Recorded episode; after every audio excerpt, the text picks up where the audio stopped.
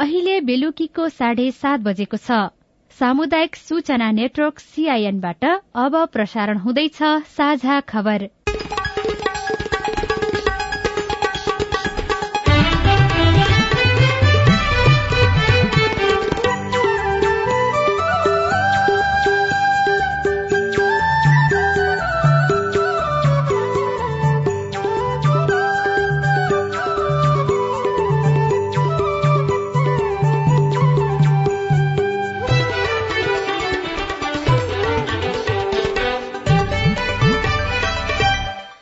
सीआईएनको साझा खबरबाट सोभिता रिसालको नमस्कार। साझा खबर देशभरिका सामुदायिक रेडियो सीआईएन खबर डट कम र मोबाइल एप सीआईएनमा पनि सुन्न सकिन्छ।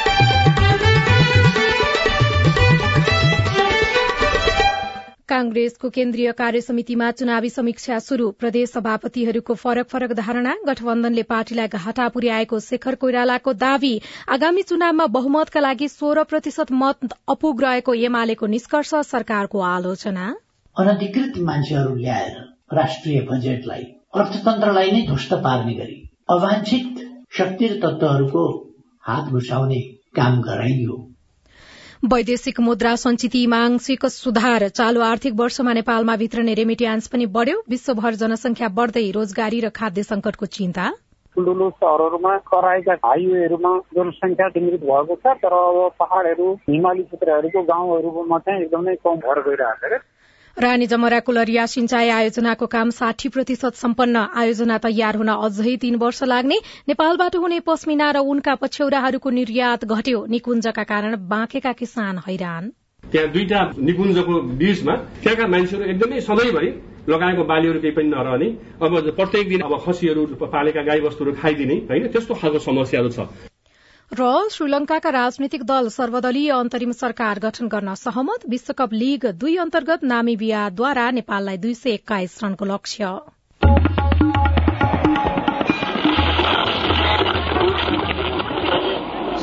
रेडियो। हजारौं रेडियो कर्मी र करोड़ौं नेपालीको माझमा यो हो सामुदायिक सूचना नेटवर्क सीआईएन केही दिन यता कोरोना भाइरसको संक्रमण पुनः बढ़िरहेको छ। यो दर बढ़दै जाने हो भने जटिल परिस्थिति नआउला भन्न सकिँदैन। त्यसैले नागरिक स्तरबाट समयमा नै सचेत रहेर स्वास्थ्य मापदण्ड पालना गर्ने तथा सरकारी स्तरबाट सीमानाकामा कडाई गर्ने स्थानीय स्तरका स्वास्थ्य संस्थाहरू अत्यावश्यक औषधि र स्वास्थ्य कर्मीलाई पनि तयारी अवस्थामा राख्ने गर्नुपर्छ। कोरोनाको रोकथामका लागि आवश्यक रकमदेखि भौतिक सरसामग्री जुटाउन सरकारले ढिलाइ गर्नु हुँदैन जेठ महिनामा वैदेशिक मुद्रा संचितीमा आंशिक सुधार भएको छ। जेठ मसान्तमा एघार खर्ब छयत्तर अर्ब चौरासी करोड़ रूपियाँ बराबरको विदेशी मुद्रा संचिती कायम भएको छ। वैशाख मसान्तमा संचिती एघार खर्ब छयालिस अर्ब अठासी करोड़ रूपियाँ बराबर थियो। नेपाल राष्ट्र बैंकले सार्वजनिक गरेको तथ्याङ्क अनुसार एक महिनामा उनातिस अर्ब छयानब्बे करोड़ रूपियाँ बराबरको संचिती बढ़ेको हो। विदेशी मुद्रा मध्ये दश खर्ब एकतीस अर्ब उनानब्बे करोड़ रूपियाँ केन्द्रीय ब्याङ्कमा र बाँकी एक सय चौवालिस अर्ब पञ्चानब्बे करोड़ रूपियाँ अन्य ब्याङ्कहरूसँग रहेको राष्ट्र ब्याङ्कका प्रवक्ता गुणाकर भट्टले सीआईएनसँग बताउनुभयो। पछिल्ला महिनाहरूमा नेपाल राष्ट्र ब्याङ्कले अप्नाएका विभिन्न उपायहरू नेपाल सरकारले अप्नाएका उपायहरूको माध्यमबाट केही वस्तुहरूको आयात चाहिँ निरुसान भएको छ यो सँगसँगै यो बीचमा डिप्रेसन आप्रवाह राम्रो अवस्थामा छ। डिप्रेसन आप्रवाह हामीले चाहिँ वैशाखसम्म हेर्दाखेरि पनि अमेरिकी डलरमा ऋणात्मक नै देखिन्थ्यो। अघिल्लो आर्थिक वर्षको दस महिनासँग तुलना गर्दाखेरि यो आर्थिक वर्षको दस महिनामा डिप्रेसन आप्रवाह अमेरिकी डलरमा ऋणात्मक थियो भने अहिले एघारौँ महिनामा आउँदा त्यो पनि एक दशमलव पाँच प्रतिशतले बढेको देखिन्छ। एघारौँ महिनासम्म आइपुग्दा। त्यसैले एघारौँ महिनामा के रेमिट्यान्समा भएको सुधारले पनि हामीलाई विदेशी विनिमय संचितीमा के भए पनि थप सहज बनाएको चाहिँ देखिन्छ। यस्तै चालू आर्थिक वर्षमा नेपाल भित्र नै रेमिट्यान्स पनि बढ़ेको छ। नेपाल राष्ट्र बैंकले सार्वजनिक गरेको वित्तीय विवरण अनुसार गत वर्षको तुलनामा रेमिट्यान्स तीन दशमलव आठ प्रतिशतले बढ़ेको हो। चालू आर्थिक वर्षमा नौ खर्ब चार अर्ब रूपियाँ रेमिट्यान्स नेपाल भित्रिएको छ। अमेरिकी डलरमा रेमिट्यान्स आप्रवाह एक दशमलव पाँच प्रतिशतले वृद्धि भई सात अर्ब एकाउन्न करोड़ डलर पुगेको छ।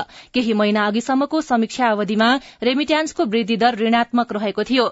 रेमिट्यान्स घट्दा त्यसको असर विदेशी मुद्रा संचितिमा समेत परेको थियो। नेपाली कांग्रेसको केन्द्रीय कार्यसमिति बैठकमा स्थानीय चुनावको समीक्षा शुरू भएको छ। आज प्रदेशका सभापतिहरूले यस बारेमा धारणा राखेका छन् तर प्रदेश सभापतिहरूको धारणा भने फरक फरक आएको छ। केहीले गठबन्धनका कारण निर्वाचन परिणाम राम्रो आएको बताएका छन् भने केहीले गठबन्धन भित्रका अन्य दलहरूले भोट हाल्नमा पूर्ण इमान्दारिता नदेखाएको रिपोर्टिङ बैठकमा गरेका छन्। प्रदेश नम्बर एकका सभापति उद्धव थापाले स्थानीय निर्वाचनमा कांग्रेसको अवस्था सुधार भएको टिप्पणी गर्नुभयो। मध्य प्रदेशका सभापति कृष्ण प्रसाद यादवले स्थानीय तहको निर्वाचनमा गठबन्धनका दलहरूले घात गरेको रिपोर्टिङ गर्नुभयो। चुनावी समीक्षा गर्दै उहाँले मध्य प्रदेशमा गठबन्धनका दलहरूले धोका दिएको टिप्पणी गर्नुभयो। त्यस्तै बागमती प्रदेशका सभापति इन्द्र बानियाले गठबन्धनले सफलता पाएको र कांग्रेसको स्थिति सुधार भएको रिपोर्टिङ गर्नुभयो। तर फेरि गण्डकी प्रदेशका सभापति शुक्रराज शर्माले भने गठबन्धनको सहमति कार्यान्वयन नभएको गुनासो गर्नुभयो।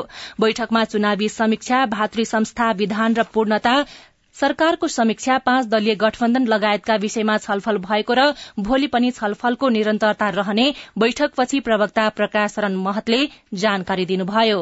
एउटा त शुभेच्छु भातृ संगठनहरूलाई गति दिनको लागि सबै क्षेत्रलाई समेटेर संगठन निर्माण गर्नको लागि प्रस्तावहरू गएको छन् त्यो अगाडि बढ्छ। दोस्रो स्थानीय निकायको निर्वाचनको परिणामको समीक्षाको आधारमा हाम्रो के अनुभव रह्यो र कहाँ कहाँ हाम्रो के के कमी कमजोरी रह्यो गठबन्धनमा पनि कहाँ राम्रो भयो कहाँ चाहिँ समस्या आयो यसका आधारमा आउने दिनमा यो गठबन्धनलाई पनि कसरी लाने र पार्टी पनि कसरी प्रस्तुत हुने भन्ने बारेमा छलफल हुन्छ र त्यसमा हामी निष्कर्ष निकाल्छौं। बैठकमा नेता शेखर कोइरालाले स्थानीय चुनावमा गरिएको गठबन्धनप्रति आपत्ति जनाउनुभयो।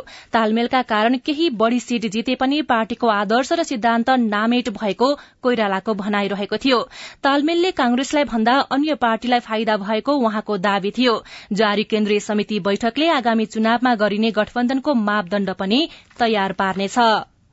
नेकपा एमाले स्थानीय तहको मतको समीक्षा गर्दै आगामी चुनावमा बहुमतका लागि सोह्र प्रतिशत मत अपुग रहेको निष्कर्ष निकालेको छ।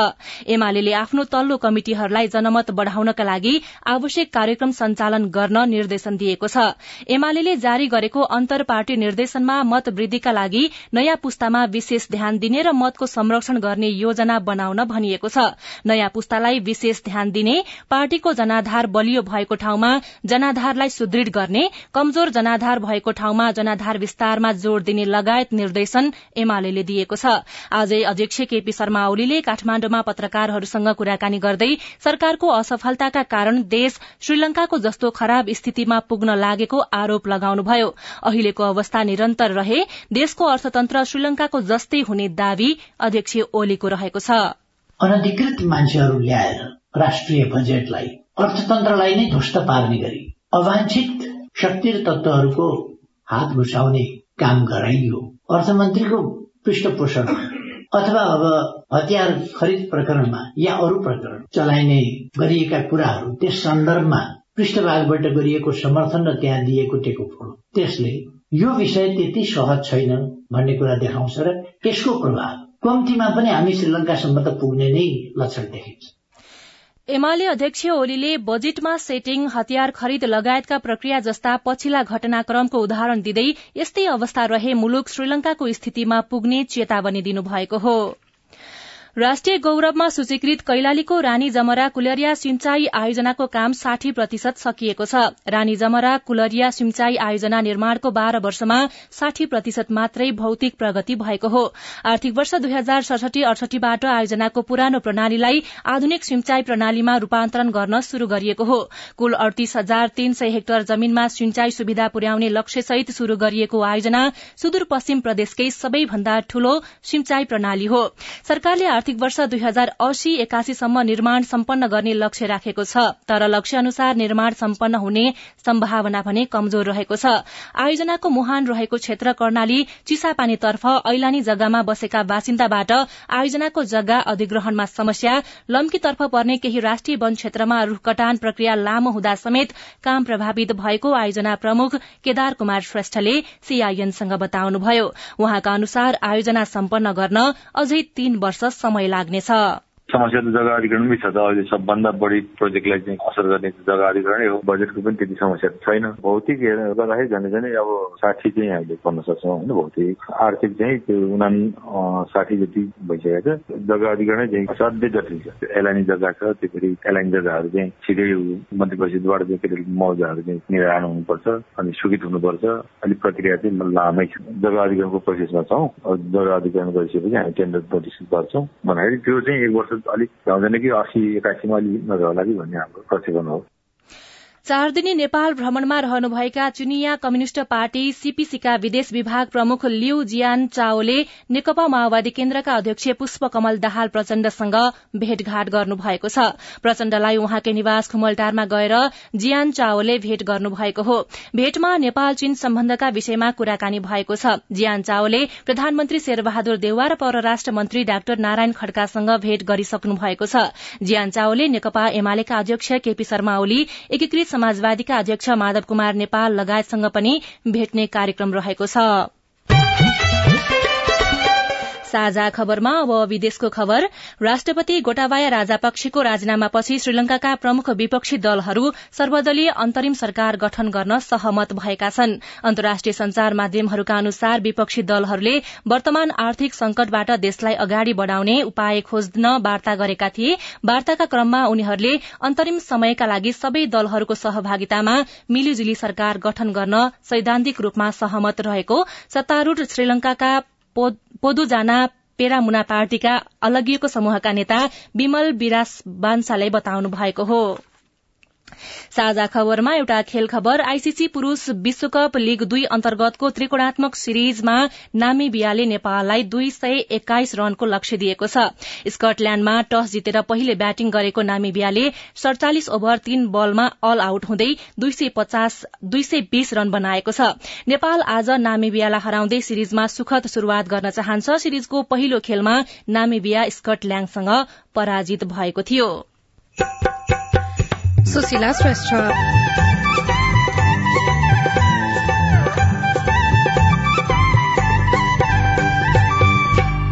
विश्वको जनसंख्या निरन्तर बढ्दै यसले पार्ने प्रभाव के हुन्छ? इनोभेटिभ हुन सक्छ तर उसलाई चाहिँ हामीले शिक्षित बनाउनु पर्यो रोजगारी दिनु पर्यो उत्पादनमूलकमा काममा लाउनु पर्यो कसरी प्रयोग गरिन्छ भन्ने मात्रै महत्वपूर्ण कुरा हो। बेरोजगारी र भोकमरीको चुनौती तर सकारात्मक पक्ष पनि उत्तिकै। रिपोर्ट निकुञ्ज आसपासका नागरिकको दुःख लगायतका विशेष सामग्री बाँकी नै छ। सीआईएनको साझा खबर सुन्दै गर्नुहोला।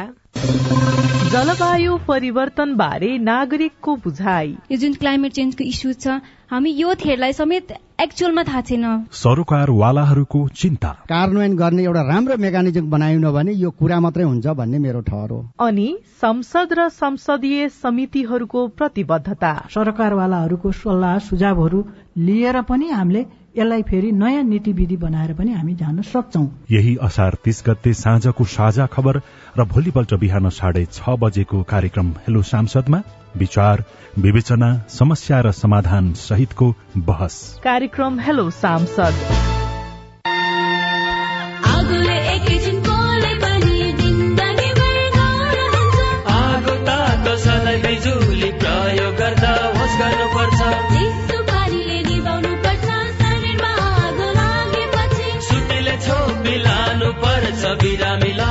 स्वास्थ्य चौकी नानी हुन्न भान्सामा खेल्नु तातो र बलले सामान हुन्छ होस गरी चलाऊ स्टोभ र ग्यास भुइँमा पकाए दुर्घटना बढ्छ। अग्निजन्य दुर्घटना भएमा शून्य एक पचपन्न पचपन्न छ आठ नौमा सम्पर्क गर्नुहोस्। बीबीएस नेपाल ललितपुर। सामाजिक रूपान्तरणका लागि यो हो सामुदायिक सूचना नेटवर्क सीआईएन तपाई सामुदायिक सूचना नेटवर्क सीआईएनले तयार पारेको साझा खबर सुन्दै हुनुहुन्छ। नाबालिग बलात्कार मुद्दामा उजुरी गर्ने हदम्याद तीन वर्षको हुने कायम भएको छ। प्रतिनिधि सभाले हदम्याद सम्बन्धी नयाँ व्यवस्था गरिएको यौन हिंसा सम्बन्धी कानूनको संशोधन विधेयक सर्वसम्मतिले पारित गरेको छ। हाल अठार वर्ष मुनिको नाबालिगले बलात्कार भएको घटनामा बालिग भएको एक वर्षभित्र उजुरी गर्न मिल्ने व्यवस्था रहेको छ। विधेयकले मुलुकी अपराध संहिताको दफा दुई सय उन्तिसको हदम्याद सम्बन्धी व्यवस्थामा परिमार्जन गर्दै बलात्कार लगायतका यौन हिंसाको घटनामा हदम्याद बढ़ाएको हो। विधेयक मार्फत अठार वर्ष मुनिका नाबालिगको बलात्कार अथवा यौन दुर्व्यवहारको घटना भए बालिग भएको तीन वर्षभित्र उजुरी गर्न मिल्ने गरी हदम्याद कायम गरिएको हो। यस्तै अठार वर्षदेखि सत्तरी वर्ष उमेर समूहमा भएको बलात्कारको घटनामा उजुरीको हदम्याद दुई वर्ष कायम भएको छ। पछिल्लो समय नेपालबाट पस्मिना र उनबाट बनेका पछ्यौराहरूको निर्यात घटेको छ। वैदेशिक व्यापार तथा निकासी प्रवर्धन केन्द्रको तथ्याङ्क अनुसार अघिल्लो आर्थिक वर्षको तुलनामा चालू आर्थिक वर्षको दश महिनामा शून्य दशमलव छ तीन प्रतिशतले पस्मिना र उनका पछ्यौराको निर्यात घटेको हो। गत वर्ष सोही अवधिमा दुई अर्ब पन्ध्र करोड़ सत्ताइस लाख उन्तिस हजार रूपियाँ बराबरको पस्मिना र उनका कपड़ा निर्यात भएकोमा यो वर्ष एक करोड़ चौतिस लाख उनासत्तरी हजार रूपियाँले घटेर दुई अर्ब तेह्र करोड़ बयानब्बे लाख साठी हजारमा झरेको छ। आज तेत्तीसौं विश्व जनसंख्या दिवस आठ अर्ब जनसंख्या सबैको छनौट र अधिकारको सुनिश्चितता सहित उज्जवल भविष्यका लागि अवसरको प्राप्ति नाराका साथ मनाइएको छ। हाल विश्वको जनसंख्या सात अर्ब पञ्चानब्बे करोड़ भन्दा बढ़ी छ। अबको चार महिनापछि विश्वको जनसंख्या आठ अर्ब पुग्ने प्रक्षेपण गरिएको छ। पछिल्ला दशक यता विश्वको जनसंख्या निरन्तर बढ़िरहेको छ। बढ़दो जनसंख्याले विश्वलाई कस्तो असर पार्ला? We must also acknowledge the denial of choice. संयुक्त राष्ट्र संघीय जनसंख्या कोष यूएनएफपीए का कार्यकारी निर्देशक डाक्टर नतालिया के नाम। आजभन्दा एक हजार वर्ष अघि विश्वको जनसंख्या तीन अर्ब मात्रै थियो। पछिल्लो एक हजार वर्षमा विश्वको जनसंख्या बढ़ेर आठ अर्ब नजिक पुगिसकेको छ। यसरी जनसंख्या वृद्धि तीव्र रूपमा बढ़नुमा महिलाहरू आफ्नो प्रजनन अधिकारका बारेमा सचेत नहुनु मुख्य कारण देखिएको डाक्टर केनामको भनाइ छ। महिलाहरूलाई प्रजनन स्वास्थ्य सम्बन्धी अधिकारको बारेमा जानकारी दिनु र सुसूचित गराउनु आवश्यक छ जसले गर्दा उनीहरूले आफ्नो प्रजनन अधिकारको उपभोग गर्न पाउँछन्। विश्वमा अहिले सबैभन्दा बढ़ी चीनमा एक अर्ब पैंतालिस करोड़ र भारतमा एक अर्ब चालिस करोड़ जनसंख्या छ। अमेरिकाको जनसंख्या तेत्तीस करोड़ हाराहारीमा रहेको छ। दुई हजार अठहत्तरमा भएको राष्ट्रिय जनगणनाको प्रारम्भिक नतिजा अनुसार नेपालको जनसंख्या दुई करोड़ एकानब्बे लाख बयानब्बे हजार भन्दा बढ़ी छ भने वार्षिक जनसंख्या वृद्धि दर शून्य दशमलव नौ तीन प्रतिशत देखिएको छ। त्रिभुवन विश्वविद्यालयका प्राध्यापक डाक्टर गोविन्द सुवेदी। नेपालको जुन हामीले वास्तवमा प्रोजेक्सन गर्यो भन्दा कम नै देखियो। विकरणको कुरा छ नेपालको कन्टेक्समा ठुल्ठुलो सहरहरूमा तराईका हाइवेहरूमा जनसङ्ख्या केन्द्रित भएको छ तर अब पहाड़हरू हिमाली क्षेत्रहरूको गाउँहरूमा चाहिँ एकदमै कम भएर गइरहेको छ विश्व जनसंख्या कोषले सार्वजनिक गरेको प्रतिवेदन अनुसार विश्वको जनसंख्या सन् दुई हजार अस्सीको दशकमा करिब दस दशमलव चार अर्ब सहित उच्च बिन्दुमा पुग्नेछ। र सन् एक्काइस सयसम्म त्यही स्तरमा रहनेछ। अहिलेको वृद्धि दरलाई हेर्दा अबको चौध वर्षमा अर्को एक अर्ब मानिस थपिनेछन्। यसरी बढ़िरहेको जनसंख्याले विश्वलाई कसरी प्रभावित बनाइरहेको छ? फेरि प्राध्यापक डाक्टर सुवेदी। पन्ध्रदेखि चौसठी वर्षको उमेर सम्मको जनसङ्ख्या चाहिँ एकदमै धेरै ठुलो संख्या छ। त्यो संख्या भनेको एकदमै काम गर्ने संख्या त्यो एकदमै बढी हुनु भनेको मुलुकको निम्ति एकदमै फाइदाजनक हो। किन भन्दाखेरि त्यो इनोभेटिभ हुन सक्छ तर उसलाई चाहिँ हामीले शिक्षित बनाउनु पर्यो रोजगारी दिनु पर्यो उत्पादनमूलक काममा लाउनु पर्यो कसरी प्रयोग गरिन्छ भन्ने मात्रै महत्वपूर्ण कुरा हो। बढ़दो जनसंख्याले खाद्यान्नको उपलब्धता रोजगारी र गरीबी न्यूनीकरणमा चुनौती थपिरहेको छ। तर बढ़िरहेको जनसंख्यालाई सृजनात्मक तरिकाले उत्पादन र रोजगारीमा जोड्न सके यसबाट फाइदा लिन सकिने विज्ञहरू बताउँछन्। स्नेहा कर्ण सीआईएन काठमाडौँ। नमस्कार म ध्रुव राई म भोजपुर जिल्ला रामप्रसाद गाउँपालिकामा सामुदायिक विद्यालयमा चालिरथी दाबीको का छ कर्मचारी हो र अरूको पन्ध्र पर्सेन्टले बढेको छ। मासिक हामीलाई पन्ध्र हजारको दरले दिएको गत वर्षदेखि र अहिलेको साल उनासी असीमा तलब कति भयो होला मेरो जिज्ञासा यही हो। यस विषयमा हामीले रामप्रसाद राई गाउँपालिकाका सूचना अधिकारी अनन्त राईलाई सोधेका छौं। तलब सुविधाको सवालमा कार्यालय सहयोगीको भन्दा पनि इसिडीमा कार्यरत कर्मचारीहरूको लागि बाल सका भन्छ होइन? उहाँहरूको लागि हो यो चाहिँ। अब अर्को भनेको चाहिँ यो साल चाहिँ त्यस्तो कार्यालय सहयोगको हकमा चाहिँ निर्णय भएको छैन। अब सम्भवत अझै छलफलकै विषयमा छ यो। मेरो नाम अशोक गिरी जुम्लामा छ।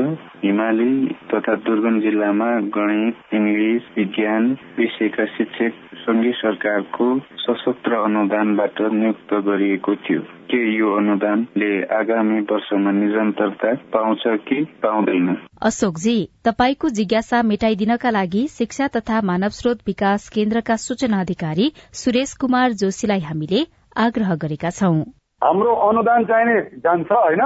जिरो दरबन्दी भएकोलाई हो त्यो अनुदान जाने। एउटा पनि दरबन्दी नपाएकालाई होइन? अब उहाँ करार रिन्यू गर्ने कुरो भनेको स्थानीय तहले गर्छ होइन? त्यो कन्ट्याक्ट बेसमा चाहिने टिचर राख्ने कुरो हो कि त्यसमा? गणित विज्ञान र अङ्ग्रेजीमा चाहिँ अनुदान चाहिने त्यो यथावत होला अहिले पनि। अनि सिराहाका विनोद यादव हाम्रो फेसबुक पेजमा लेख्नुहुन्छ। बढ़दो गर्मीका कारण तराई क्षेत्रमा बसोबास गर्ने मानिस मात्रै होइन पशु पंक्षी पनि प्रभावित बनेका छन्। असार बित्नै लाग्दा पनि पर्याप्त पानी नपरेका कारण नदी पोखरी र तालमा पानीको मात्रा घट्दै गएको छ। खडेरी परेको यो समयमा पानीको बचत गर्ने बानीको विकास गरौं। सकिन्छ भने घर वरिपरि चराचुरुङ्गी र अन्य जनावरका लागि केही खानेकुरा र पानी राखौं जसले उनीहरूलाई थोरै भए पनि राहत हुनेछ। तपाई जुनसुकै बेला हाम्रो टेलिफोन नम्बर शून्य एक बान्न साठी छ चार छमा फोन गरेर आफ्नो प्रश्न जिज्ञासा गुनासा तथा प्रतिक्रिया रेकर्ड गर्न सक्नुहुन्छ। तपाई सामुदायिक सूचना नेटवर्क सीआईएनले काठमाण्डुमा तयार पारेको साझा खबर सुन्दै हुनुहुन्छ। निकुञ्ज आसपास बसोबास गर्नेहरूको दुःख? त्यो विषयमा हामीले जीवन बिमा नै गर्ने हो कि बाली बिमा गर्ने हो कि भन्ने विषयमा पनि सरकार अलिकति अगाडि बढ्ने प्रयत्नमा चाहिँ छ यो विषयमा हामी छलफलमै छौं। वन्यजन्तुका कारण गरिबी र बेरोजगारी समस्या बढ़ेको नागरिकको गुनासो समस्या समाधान गर्दै गरेको सरकारको जवाफ। रिपोर्ट वन नियमावलीका सकारात्मक पाटो लगायतका विशेष सामग्री बाँकी नै छ। सीआईएनको साझा खबर सुन्दै गर्नुहोला। हे कोरोनाको नयाँ नयाँ प्रजातिको डर। हात धोए मास्क लाए जान्छ पर पर। एक अर्काको दूरी पनि परै भएको जाति। गीतमा भने झै कोरोना संक्रमण दर घटे पनि जोखिम भने कायमै छ। अझै पनि नयाँ नयाँ प्रजातिका भाइरसहरू आउन सक्छन्। खोप्लाएसी कोरोनालाई जितिन्छ रे साथी। कोरोना विरुद्धको सबै मात्रा खोप अनिवार्य लगाउनु पर्दछ। कसैको खोप छुटेको छ भने वडा कार्यालय वा नजिकको स्वास्थ्य केन्द्रमा सम्पर्क राख्नु पर्दछ। एक अर्का बीचको दूरी कायम गर्ने मास्क लगाउने र साबुन पानीले मिची मिची हात धुने कार्यलाई सधैँ कायम गर्न सकेमा कोरोना मात्रै होइन। अन्य धेरै रोगहरूबाट बच्न सकिन्छ। जीवन शैलीको भरमा बाँच्छौ हामी कोरोनाका। युएन उमनको सहयोगमा ल्याक र अकुराब। सामाजिक रूपान्तरणका लागि यो हो सामुदायिक सूचना नेटवर्क सीआईएन तपाई सामुदायिक सूचना नेटवर्क सीआईएनले काठमाण्डुमा तयार पारेको साझा खबर सुन्दै हुनुहुन्छ। बाँकी राष्ट्रिय निकुञ्ज क्षेत्रमा बसोबास गर्नेहरूले जनावरका कारण वर्षेनी अन्नबालीमा क्षति पुगे पनि सहँदै आएका छन्। संविधानले नै सबै नागरिकको खाद्य अधिकार सुरक्षित गरेको भए पनि वन्यजन्तुका कारण गरीबी बेरोजगारी समस्या बढ़ेको स्थानीयको गुनासो छ। बाँके राष्ट्रिय निकुञ्ज क्षेत्रमा बसोबास गर्ने नागरिकहरू जंगली जनावरले बालीनालीमा क्षति पुर्याउन थालेपछि खाद्य अधिकारबाट वञ्चित हुने अवस्थामा पुगेका छन्। बाँकेको राप्ते सोनारी गाउँपालिका वडा नम्बर एक कुसुमका हिरालाल ओली। बन्याउल जनावरको है छ। छर्थ्यौँ मकै यो हिउँदे बाली तोरी मसुर छर्थ्यौँ केले खान्थ्यो बन्याउलले गुदलेर कोही उयो खान्थ्यो। पाँच सय पचास वर्ग किलोमिटर क्षेत्रफलमा फैलिएको निकुञ्ज क्षेत्रमा आठ हजार नौ सय सन्ताउन्न घर परिवारको बसोबास छ। बाँके राष्ट्रिय निकुञ्जले स्थानीय सरकारसँगको समन्वयमा तारजाली लगाउन शुरू गरेपछि केही समस्या कम भएको छ। तर बैजनाथ गाउँपालिका वडा नम्बर एक तीन र छका करिब तीन हजार घर परिवारले लगाएको अन्नबाली भित्राउन पाउँदैनन्। यो समस्या समाधानका लागि लुम्बिनी प्रदेश सरकारको ध्यान आकर्षण गराइएको छ। एकजना खाद्य अधिकार कर्मी सुरेश गौतम। जुन वैशनाथ गाउँपालिका छ त्यहाँ दुईटा निकुञ्जको बीचमा त्यहाँका मान्छेहरू एकदमै सधैँभरि लगाएको बालीहरू केही पनि नरहने। अब प्रत्येक दिन अब खसीहरू पालेका गाई वस्तुहरू खाइदिने होइन? त्यस्तो खालको समस्याहरू छ। ऐन संशोधन हुनुपर्छ भनेर पनि हामीले पाँचौं चोटि पनि हामीले त्यो खालको कुराहरूलाई पनि मन्त्री मन्त्रालयसँग पनि समन्वय गरिरहेका छौं। बाँकेको डुडुवा कोहलपुर र खजुरा गाउँपालिकाले भने केही बजेट छुट्याएर वन्यजन्तुका कारण पीड़ित किसानका लागि योजना बनाउन शुरू गरेका छन्। नागरिकको खाद्य अधिकार सुरक्षित गर्न प्रदेश सरकारको योजना के छ त? वन वातावरण तथा भू संरक्षण मन्त्री सुरेन्द्र हमाल। स्वाभाविक रूपमा हाम्रो प्रदेशले पनि त्यसमा विशेष चासोको विषयमा हेरेको छ। अहिले मुख्यमन्त्रीज्यूसँग पनि यो विषयमा कुराकानीहरू भएको छ र बीमा कम्पनीका साथीहरूसँग पनि कुराकानीहरू भएको छ। यसपालिदेखि राष्ट्रिय निकुञ्जहरूबाट भएका समस्या जंगलबाट जंगली जनावरबाट भएका जुन यो बाली नोक्सानी भएका कुराहरू छन् जीवन नोक्सान भएका कुराहरू छन् त्यो विषयमा हामीले जीवन बिमा नै गर्ने हो कि बाली बिमा गर्ने हो कि भन्ने विषयमा पनि सरकार अलिकता अगाडि बढ्ने प्रयत्नमा चाहिँ छ यो विषयमा हामी छलफलमै छौं। आर्थिक रूपमा सक्षम भएका र सरकारले सहयोग गर्नुपर्ने जनसंख्याको अध्ययन गरी पालिकाहरूले खाद्य सुरक्षा एवं पोषण योजना बनाउन सक्छन्। त्यस अनुसार पनि जनप्रतिनिधि जानुपर्ने बताउँदै लुम्बिनी प्रदेशका सांसद आरती पौडेल। खाद्यको बारेमा आफ्नो आफ्नो पालिकाले एउटा स्पष्ट योजना बनाएर कतिजना चाहिँ आफ्नो पालिकाभित्र खान पुग्ने हुनुहुन्छ कतिलाई राज्यले सपोर्ट गर्नुपर्छ भन्ने खालको योजना बनाउने कुरा जुन गरिरहनु भएको थियो। यो पनि मलाई लाग्छ अहिलेदेखि नै उठायो भने बल्ल त्यसलाई काम गर्ने कुरामा हामी अगाडि जान सकिन्छ होला भन्ने मलाई लाग्छ। जंगली जनावरले नष्ट गर्न थालेपछि केहीले अन्नबाली लगाउन छोडेका छन् र विकल्पमा कागती खेती उनीहरूको रोजाइमा पर्ने गरेको छ। निसु जोशी सीआईएन कृष्ण सार एफएम नेपालगंज वन नियमावली दुई हजार उनासीले सामुदायिक वनलाई नागरिकको जीवनस्तर उकास्ने परिकल्पनालाई मूर्त रूप दिएको छ तर यो नियमावली विवाद रहित हुन सकेको छैन। सामुदायिक वन उपभोक्ता महासंघका अध्यक्ष भारती पाठकलाई हामीले शुरूमा नियमावलीको सकारात्मक पाटो के छ भनेर सोधेका छौं। बन्यन दुई हजार छयत्तरमा। हिजो उन्चासमा चाहिँ सामुदायिक वनलाई संरक्षणकर्ताको रूपमा मात्रै हेरिएको थियो। छयत्तरमा आइसकेपछि अलिकति उत्पादनसँग जोड्ने रोजगारीसँग जोड्ने जस्तो सामुदायिक वनको आमदानीको पचास प्रतिशत चाहिँ गरिब विपन्न महिला र उद्यमशीलतामा लगाउने भनेर एनमा व्यवस्था गरेको कुरा त्यो नियावलीमा आएको छ।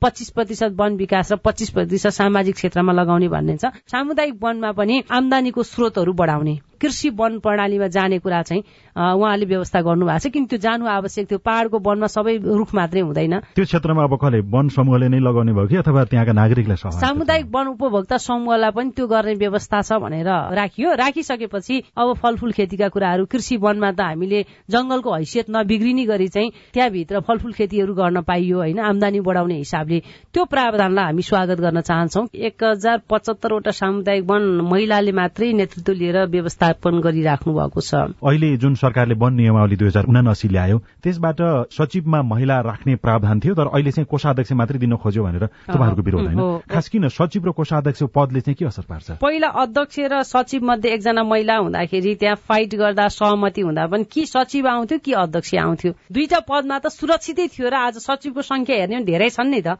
महिलाको अध्यक्षको संख्या अलिक कमै होला दिन चाहेनन् होला होइन। बढ्न पहिलाको भन्दा बढेको छ।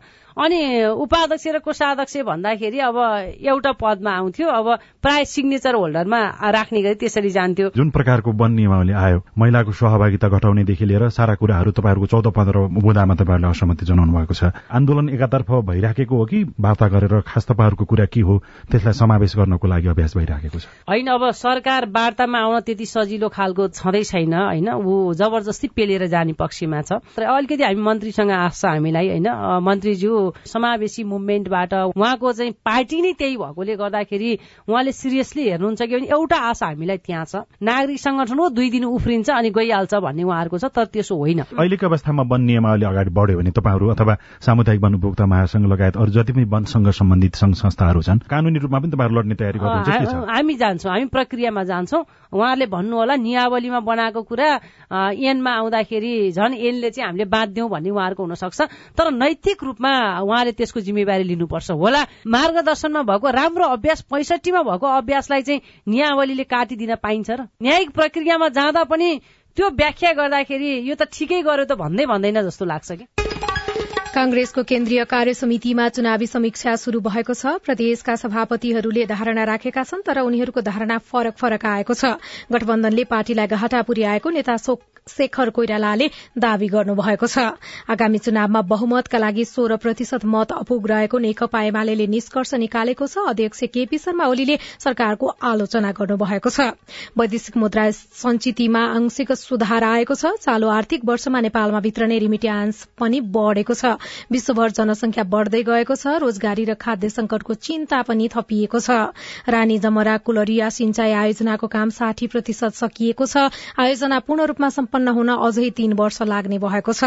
नेपालबाट निर्यात हुने पश्मिना र उनका पछ्यौराहरूको निर्यात घटेको छ। निकुञ्जका कारण बाँकेका किसान हैरान भएका छन्। नेपालमा हाल कोरोनाको सक्रिय संक्रमितको संख्या छ सय अठहत्तर पुगेको छ। र श्रीलंकाका राजनैतिक दल सर्वदलीय अन्तरिम सरकार गठन गर्न सहमत भएका छन्। आजलाई साझा खबरको समय सकियो। प्राविधिक साथी सुरेन्द्र सिंहलाई धन्यवाद। भोलि असार अठाइस गते बिहान छ बजेको साझा खबरमा फेरि भेटौँला। अहिलेलाई सोभिता रिसाल पनि विदा हुन्छु। नमस्कार शुभरात्री।